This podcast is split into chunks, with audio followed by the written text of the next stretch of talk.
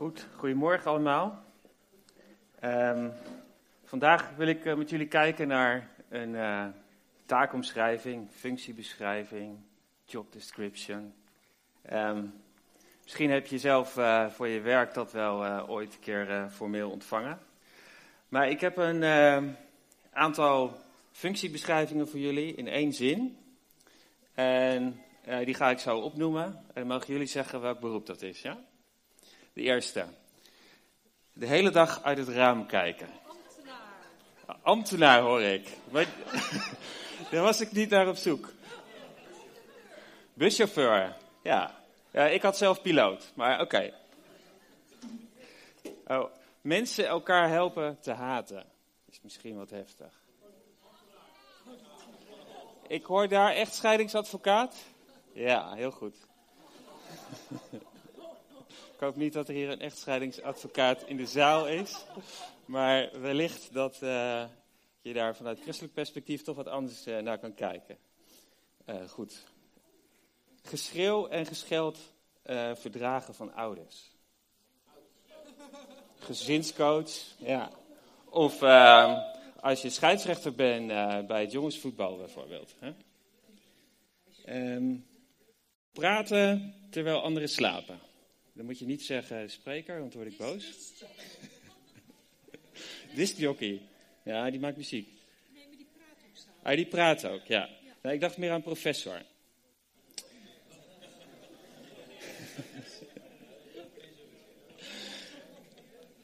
De volgende. Vind zoveel mogelijk andere woorden voor het woord explosie. Zou kunnen? Iemand anders? Schrijven van jongensboeken. Goed, als je al deze taakomschrijvingen zo ziet, en misschien eh, heb je zelf ook wel een taakomschrijving in je hoofd voor je eigen werk. Ehm, ik vroeg me eigenlijk ook af van, hey, wat is eigenlijk de taakomschrijving van een christen? Ehm, is die er en bestaat die er?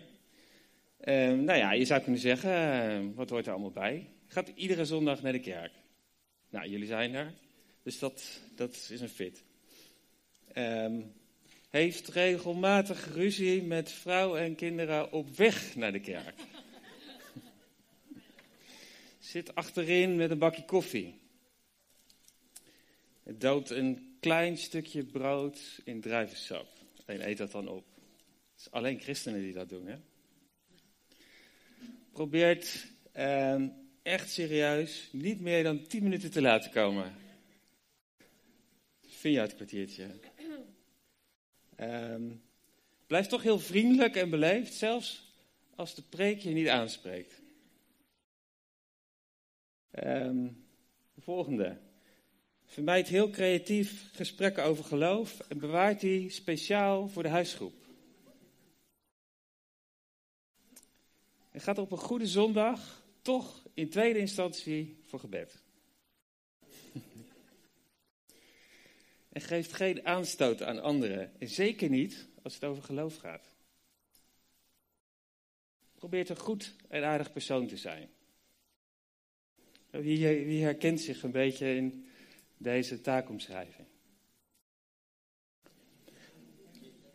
Maar wat ik wel dacht, is dit. Waarvoor God zijn zoon Jezus naar de aarde gestuurd heeft om te sterven aan het kruis. Is dit waarom Jezus is opgestaan? Je zou denken dat er meer is. Er moet toch meer zijn? Wat is de taakomschrijving van een christen dan wel? En wat, wat vraagt God van ons? in deze periode behandelen we het thema zoals Jezus. Een christen is een volgeling van Christus. Een navolger, een discipel van Jezus. En na de zomer gaan we uitgebreid stilstaan bij wat het betekent om uh, een discipel te zijn. En we willen start maken met Vineyard Dimension of Discipleship. Daar is ook een slide van. Op de startzondag 17 september. Maar als voorbereiding daarop wil ik vandaag stilstaan bij wat is de taakomschrijving van een christen? Wat is de taakomschrijving van een volgeling van Jezus? En we gaan de Bijbel induiken. Een stuk uit uh, Deuteronomium 10 lezen. En ik denk dat we eigenlijk met name bij het begin uh, blijven en dat is even goed uitdiepen. Maar ik wil toch het, uh, een stukje in de context lezen. Dus we lezen vers 12 tot en met 22.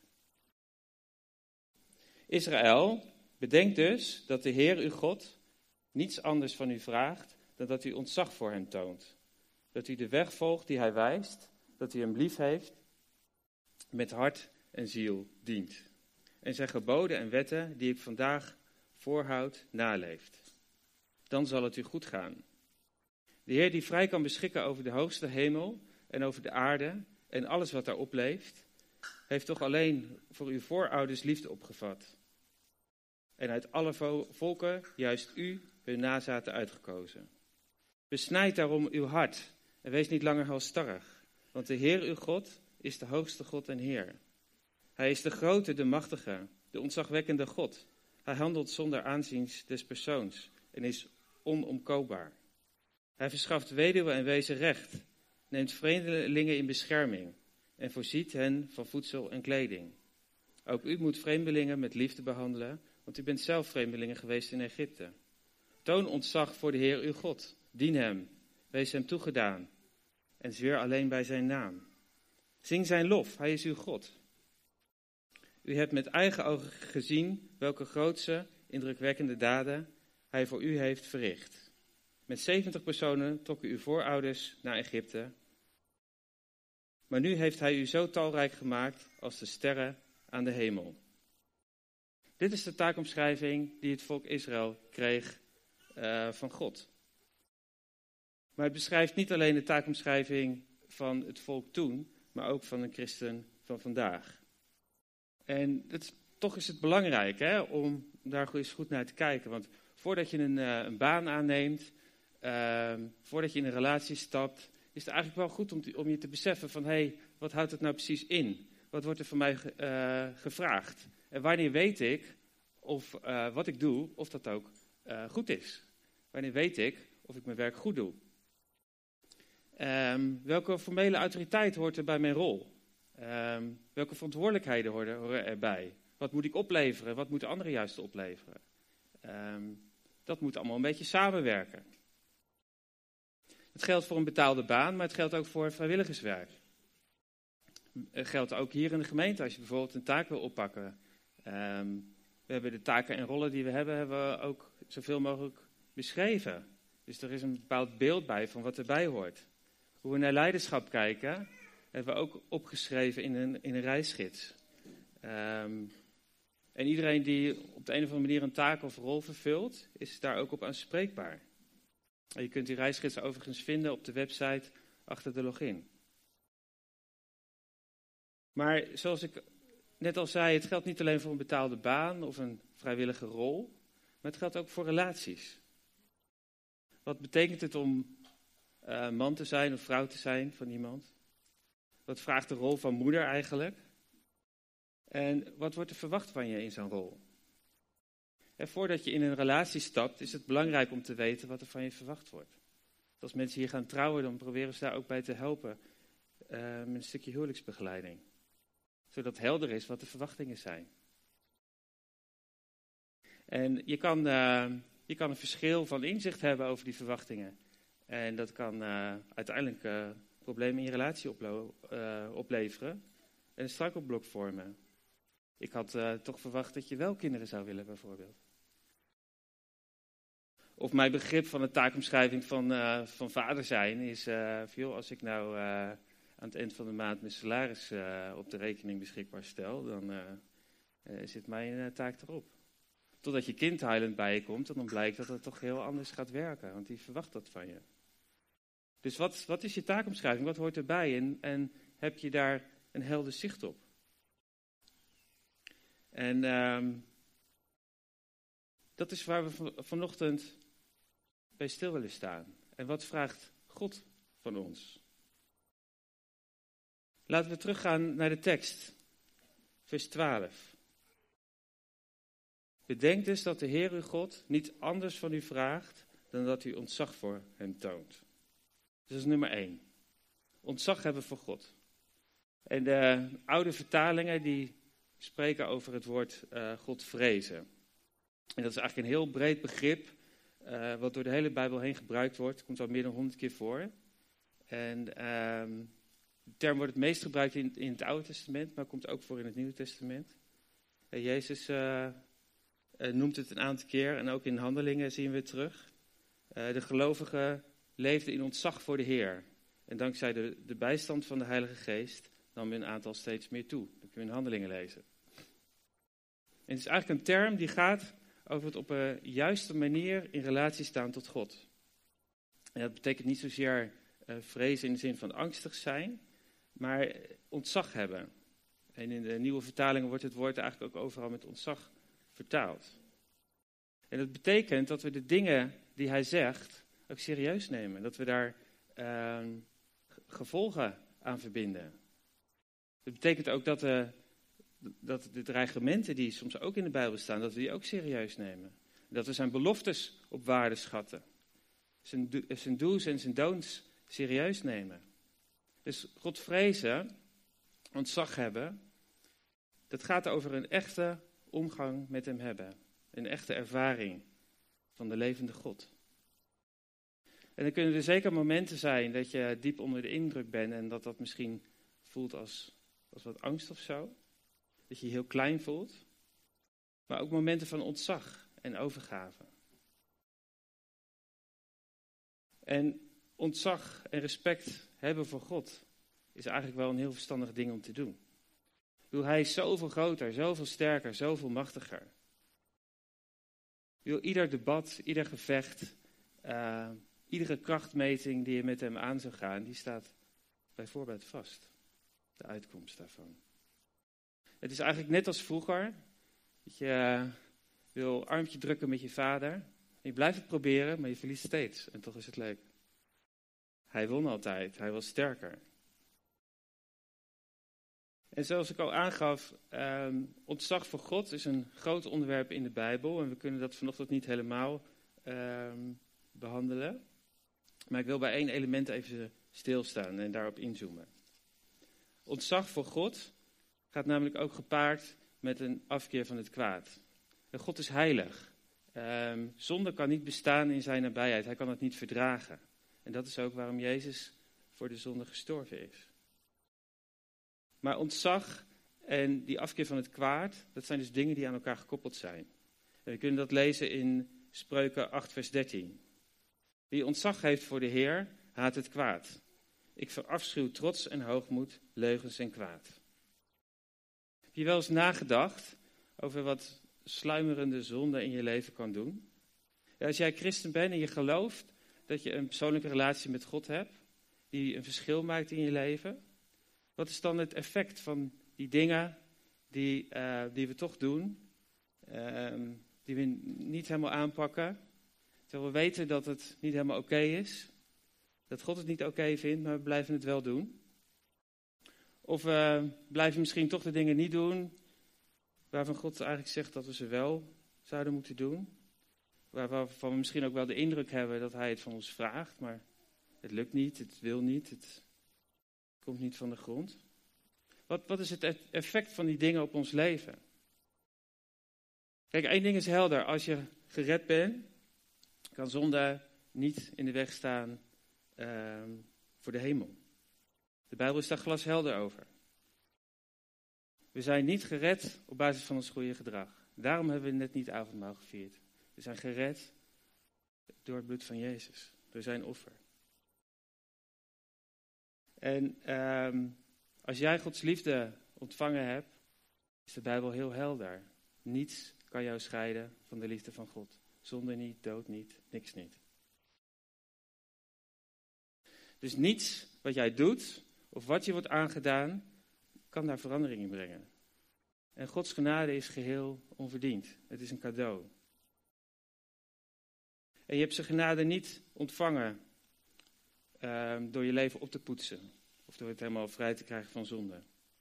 En je zal genade ook niet blijven ontvangen door daarmee door te gaan. Dus je komt niet binnen in het koninkrijk uh, van God door wat je doet, maar puur door Gods genade. Maar wat is dan wel het effect? Waarom is het belangrijk dat iemand die ontzag heeft voor God ehm, het kwaad haat en daar een afkeer van heeft?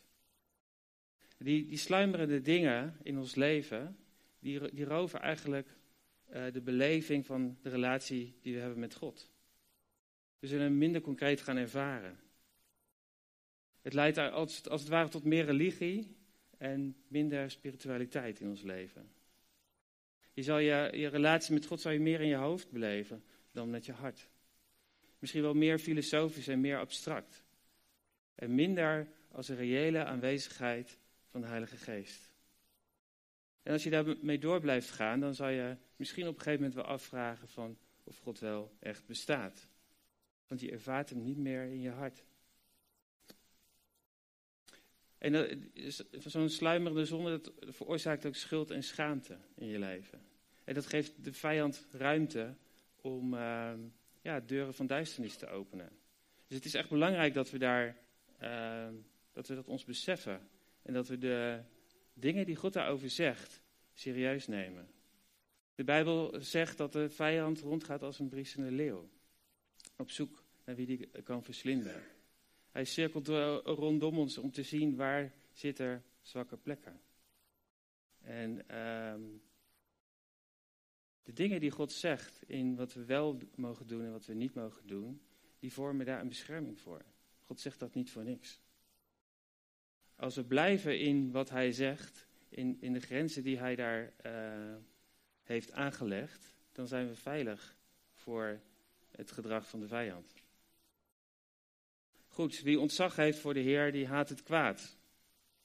Wat is nog meer uh, onderdeel van die taakomschrijving van een christen? Weer terug naar vers 12. Bedenk dus dat de Heer uw God niets anders van u vraagt dan dat u ontzag voor hem toont. En dat u de weg volgt die hij wijst. Nummer 2, zijn weg volgen. De weg volgen die hij wijst. Nou, dat is een principe wat we eigenlijk tegenwoordig best wel goed zouden moeten kunnen begrijpen. Weet je, onze auto's zijn uitgerust met navigatie.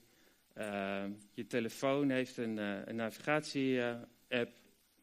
en uh, we lijken er ook totaal geen moeite mee te hebben om te doen wat dat ding zegt. Zelfs al is het een beetje eh, een houterige stem af en toe. Maar hoe gaan we om met de keuzes die we maken in ons leven? Gaan we op zoek naar aanwijzingen van Gods stem?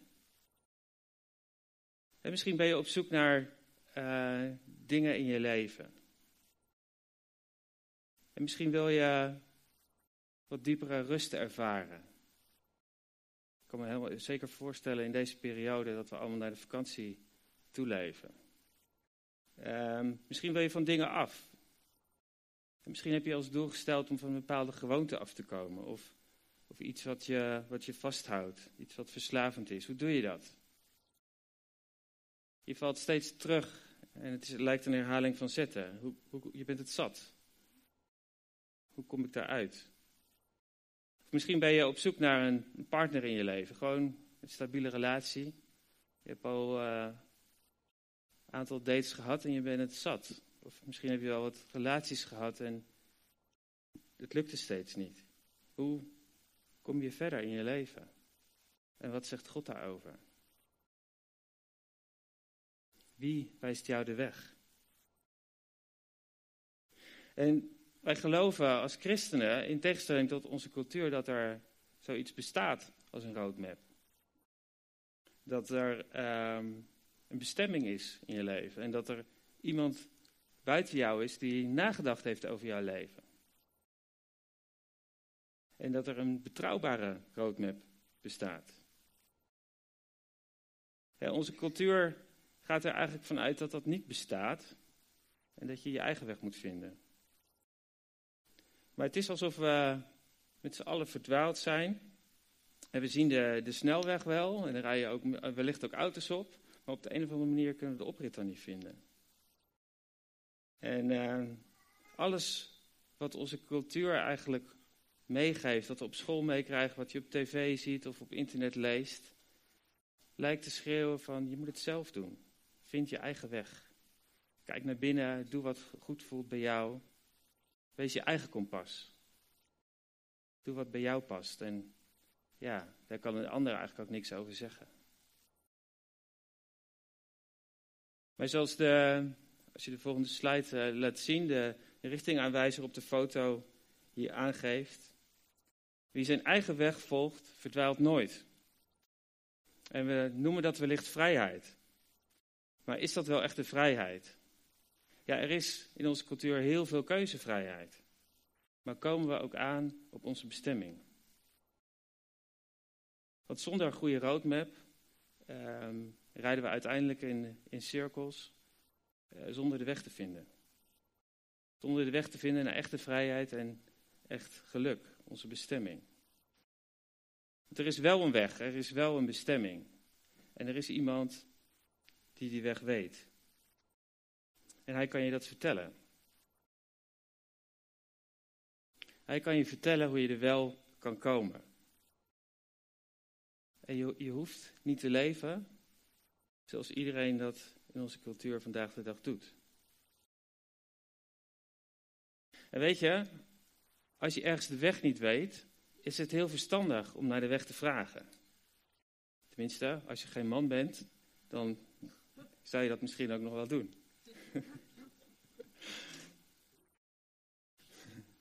het is dus absoluut niet raar om aanwijzingen te volgen van iemand die wel weet hoe het in elkaar zit, die wel de weg weet. Het is slim om te doen eigenlijk. En God wil ons de weg wijzen. Er is een roadmap, er is een betrouwbaar kompas. En het is, uh, het is aan ons om die aanwijzingen op te volgen. En er is een boek dat heet uh, de Bijbel. Dat staat vol met aanwijzingen van God.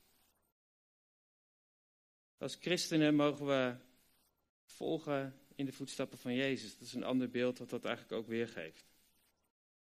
In Hem volgen is dus een onderdeel van de taakomschrijving van een discipel. Goed, wat hoort er dan nog meer bij, bij die taakomschrijving van een christen zijn? We gaan weer terug naar vers 12. Bedenk dus dat de Heer uw God niets anders van u vraagt dan dat u ontzag voor hem toont. Dat u de weg volgt die hij wijst en dat u hem lief heeft. God liefhebben is een basisonderdeel van de taakomschrijving van een christen. En het is misschien ook wel belangrijker dan alle andere dingen. En Jezus uh, gaf twee belangrijke geboden in het grote gebod. Welke, welke waren dat? Weet iemand dat? Precies. God liefhebben boven alles en je naaste voor jezelf. Dat is eigenlijk de essentie van de Bijbel, hè? De, de Bijbel voor dummies zou je kunnen zeggen. Alles samengevat tot de essentie. God liefhebben met heel je hart, heel je ziel, heel je verstand. En het tweede daaraan gelijk is, heb uw naaste lief als uzelf. En uh, Jezus zegt in uh, Johannes 23 het volgende. Wanneer iemand, iemand mij lief heeft, zal hij zich houden aan wat ik zeg. Mijn vader zal hem lief hebben en mijn vader en ik zullen bij hem komen en bij hem wonen. Maar wie mij niet lief heeft, houdt zich niet aan wat ik zeg. Dus liefde gaat gepaard met gehoorzaamheid, met ontzag, met het serieus nemen wat de ander zegt. En wat betekent het voor jou om van God te houden? En voordat je die vraag beantwoordt, moet je misschien eerst op horizontaal niveau kijken van wat betekent het als je van, van iemand houdt?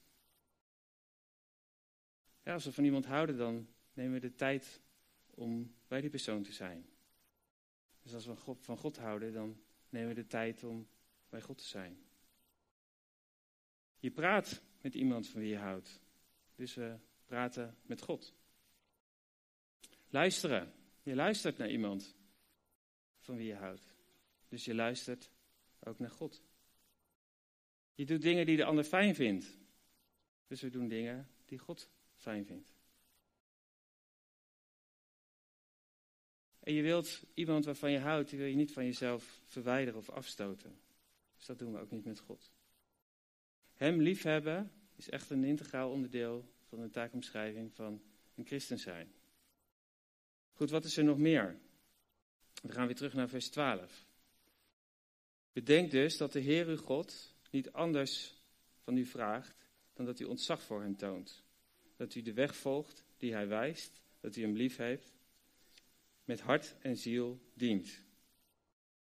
Hem dienen, nummer 4. Het dienen betekent in het Oude Testament zoveel als aanbidden en onderwerpen. Dat is misschien net iets andere betekenis dan dat wij er vandaag de dag vaak aan toekennen. We, we redeneren vaak als zelfbewuste personen, als we het over dienen hebben, dan doe ik wat voor de ander. Ehm, maar het dienen, wat hier in het Oude Testament gebruikt wordt, is, is veel omvattender. Dat, dat omvat ook echt onderwerping. Dus het betekent dat we ons onderwerpen aan God op alle gebieden van ons leven. Dat betekent dat we ons onderwerpen op intellectueel niveau. En een discipel is eigenlijk niet in de positie om te onderhandelen of te debatteren over het gedachtegoed van zijn meester. Als Jezus in jouw leven Heer is, ehm, mag wat Hij zegt, mag dat dan ook betekenis hebben in je leven. Wat Jezus zegt over seksualiteit, of hoe we met ons geld omgaan. Wat Hij zegt over relaties, uh, wat Hij zegt over vergeving. Is dat bepalend in jouw leven? Onder, onderwerp je je denken daar aan wat hij zegt en wat hij vindt? Ben je bereid om de denkbeelden die, die je zelf hebt of die je in de loop van de tijd uh, hebt opgedaan, om die in te, in te leveren voor die van hem? Of, of past dat niet zo lekker in je leven? onderwerpen aan God betekent ook dat je je onderwerpt op moreel gebied. Wie, wie bepaalt wat goed en fout is in jouw leven? Een discipel van Jezus heeft niet de vrijheid om dat in zijn eentje op eigen houtje te bepalen. Als Jezus in je leven Heer is, dan zou Hij daarover mogen gaan. En onderwerpen aan God betekent ook uh, dat dat iets zegt over waar je je tijd aan besteedt. En God heeft een roeping voor ieder van ons. Hij heeft jou gemaakt met een doel, hij heeft jou gered met een doel. Weet jij waar jij voor geroepen bent in deze fase van je leven? Heb je hem dat al gevraagd? En voor sommigen van ons is dat in deze fase misschien wel om uh, jezelf te geven aan je kinderen in, in ouderschap. Om de beste ouder te zijn voor je kinderen die, uh, die je maar kan bedenken. Om jezelf te geven, om te investeren in het leven van, van je kinderen en ze zo te vormen. Misschien ben jij wel geroepen om uh, op je werk uitmuntend te zijn. Te komen met oplossingen die, uh, ja, die je bedrijf of je organisatie verder helpen. Misschien ben jij geroepen om een licht te zijn uh, op school of uh, op de universiteit. In de relaties die je hebt, in de vriendschappen die je bent aangegaan. Misschien ben je geroepen om dienstbaar te zijn en dingen voor anderen te doen. En noem maar op, wat is, wat is jouw roeping? Wat heeft God in jouw hart gelegd? Um, waar roept Hij jou voor? Goed, dan het, uh, het laatste punt. Wat hoort bij de taakomschrijving van een christen. Dan gaan we naar uh, vers 13. Ik lees het, het hele stukje toch nog even. Bedenk dus dat de Heer uw God niets anders van u vraagt dan dat u ontzag voor hem toont. Dat u de weg volgt die hij wijst, dat u hem lief heeft hem met hart en ziel dient en zijn geboden en wetten die ik u vandaag voorhoud naleeft. Dan zal het u goed gaan. En een groot verschil tussen de God van de Bijbel en de andere goden van de volken is dat God spreekt, hij praat. Je kunt met hem communiceren. De andere goden van de volken, die, uh, die zeiden niks. Die spraken niet. En door het hele Oude Testament en het Nieuwe Testament kom je de roep van God tegen. Luister naar mij. In de profeten, Jeremia, in de fase dat het uh, niet heel lekker ging met het volk. Omdat jullie niet naar mij luisteren, zal ik niet naar jullie luisteren. In spreuken, luister, ik vertel je waardevolle dingen. Mijn woorden zijn oprecht. En Jezus, die zegt het ook. Mijn schapen luisteren naar mijn stem. Ik ken ze en ze volgen mij. En ergens anders staat, gelukkiger zijn zij die naar het woord van God luisteren en ernaar leven. En Jacobus voegt daar nog aan toe, alleen horen is niet genoeg. U moet wat u gehoord hebt ook doen. Het is niet zo dat God niet spreekt. God spreekt. Het is, ook niet, het is vaak ook niet het geval dat we het niet horen. Maar luisteren we ook naar wat hij zegt. We kunnen het soms wel horen, maar dan stemmen we af op een ander kanaal, een andere zender, zodat we niet hoeven te luisteren. Hij stuurt ons wel degelijk boodschappen, maar hoe serieus nemen we die eigenlijk? God spreekt al door tot ons. Hij spreekt in ieder geval door de hele Bijbel heen. Hij kan ook tot je spreken door wat een vriend tegen je zegt, of wellicht door een preek of iets wat je luistert. En als je christelijk bent opgevoed, net zoals ik, dan, ik heb zitten rekenen, dan heb je waarschijnlijk zoiets van 1000 tot 1500 preken gehoord inmiddels. Als je zo een beetje tussen 35 en de 40 bent, zeg maar. Um, en je ook met enige regelmaat in de dienst komt, hè, want anders gaat het aantal omlaag. maar weet je, het horen, het weten, dat gaat het niet doen in je leven. Dat, dat gaat niet veranderen. Als jij keuzes maakt, als jij gaat handelen, dat verandert zaken in je leven. Dus hoeveel preken moeten we nog horen om in beweging te komen? En ik zeg dat niet als een oordeel, hè, maar als een uitdaging. Willen we in beweging komen op wat God tegen ons zegt?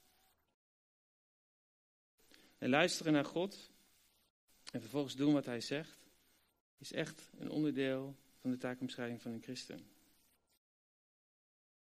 En uh, je zou, Gods woorden zou je eigenlijk kunnen vergelijken met, met gloeiende kooltjes. Ik weet niet of je al gebarbecued hebt, het is lekker weer ervoor gloeiende kooltjes die, uh, die zo bij elkaar liggen. En uh, zijn woorden, die zijn als een gloeiend kooltje wat, wat brandt in zijn hart. En zo'n gloeiend kooltje kan recht in jouw hart terechtkomen. En je kunt zijn woorden overdenken. Je kunt erover mediteren. Je kan ze diep in je hart laten zakken. En je kunt erover bidden. Schrijf ze op. En dan is het als het ware alsof je blaast over zo'n gloeiend kooltje. En wat gebeurt daar? Als je blaast over een gloeiend kooltje, dan gaat hij opvlammen. Dan komt hij in vuur en vlam te staan. En Gods woorden zijn krachtig. En ze hebben het vermogen ook om jouw hart in vuur en vlam te zetten. Als God dingen zegt en, en um, dan, dan maakt het verschil wat ik daarmee doe. Gods woorden kunnen dingen in jouw leven veranderen. Als God dingen zegt over hoe ik met mijn geld om moet gaan, of met relaties, of met seksualiteit, de dingen die we net ook noemden, of hoe ik ouder ben in mijn gezin, al dat soort dingen. Hoe ik praat over anderen op mijn werk bijvoorbeeld. Hoe ik met autoriteit omga. Ehm, heb ik respect voor mijn baas. Ja, al die dingen, we kunnen dat uh, afdoen als te veel moeite. Of ik heb het nu even te druk. Maar dan is het als, als het ware alsof we zo'n zo'n kooltje uittrappen. En dan zal het ook uitdoven.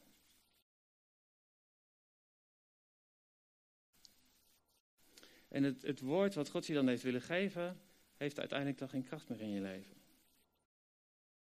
Dus wil jij die woorden die God je geeft, wil, wil jij die ontvangen?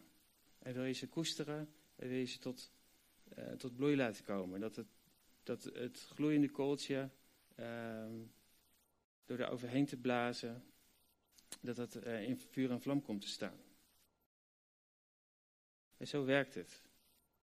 Dus heb aandacht voor wat God tegen je wil zeggen. Heb ontzag voor wie Hij is. Goed, laten we proberen samen te vatten. Dus de taakomschrijving van een christen omvat eigenlijk vijf dingen die we hier in de tekst kunnen lezen die we vandaag behandeld hebben. Wat God van ons vraagt is dat we ontzag voor hem hebben. En dat betekent dus ook dat we het kwade haten. God vraagt van ons dat we zijn weg volgen. er is een roadmap voor je leven. En er zijn aanwijzingen waar je naar kan luisteren. God vraagt van ons dat we Hem lief hebben met alles wat in ons is. En God vraagt van ons dat we Hem dienen. Dat we onszelf onderwerpen. Intellectueel niveau, op moreel niveau. En ook waar we onze tijd aan besteden. Hij heeft een roeping voor ons. En als laatste, God vraagt van ons dat we naar Hem luisteren. Dat we Zijn woorden serieus nemen. En Jezus leefde dit als geen ander uit. En Hij is ons voorbeeld. Laten we worden zoals Hij is. En laten we zijn zoals Hij is. Zoals Jezus. En de belofte vanuit vers 13 is dan ook, dan zal het u goed gaan. Amen. Goed, zullen we gaan staan?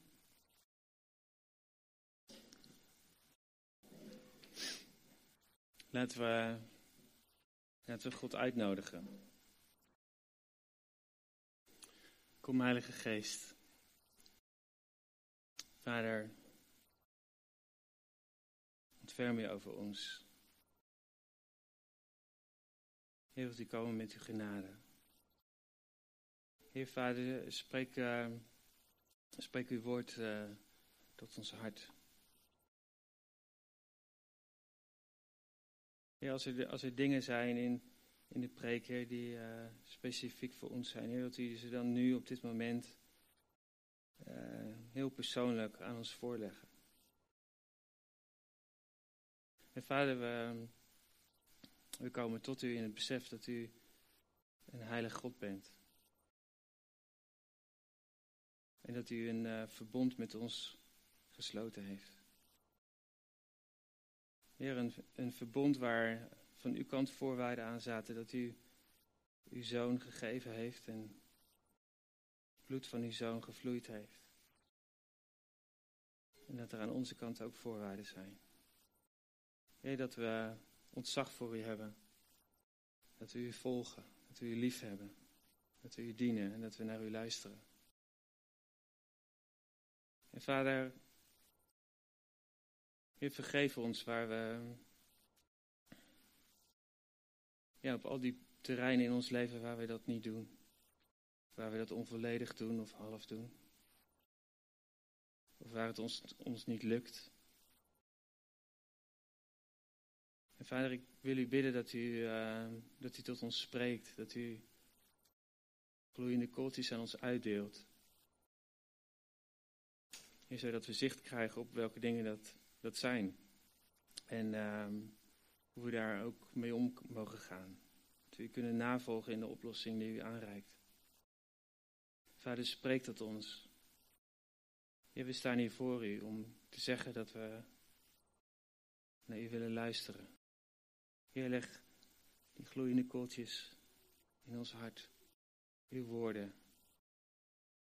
Heer, help ons om ze te horen, te ontvangen, ze te bewaren en ze na te volgen. Heer, kom met uw kracht over ons, Heer. Heer, zegen ons om, uh, ja, om ook te groeien in ontzag voor U. Te groeien in het volgen van U. Te groeien in het liefhebben van U. En te groeien in het dienen en het onderwerpen aan U. Heer, help ons om te groeien in het luisteren naar U. Heer, genade is zo groot. En er is meer. Er is meer voor ieder van ons.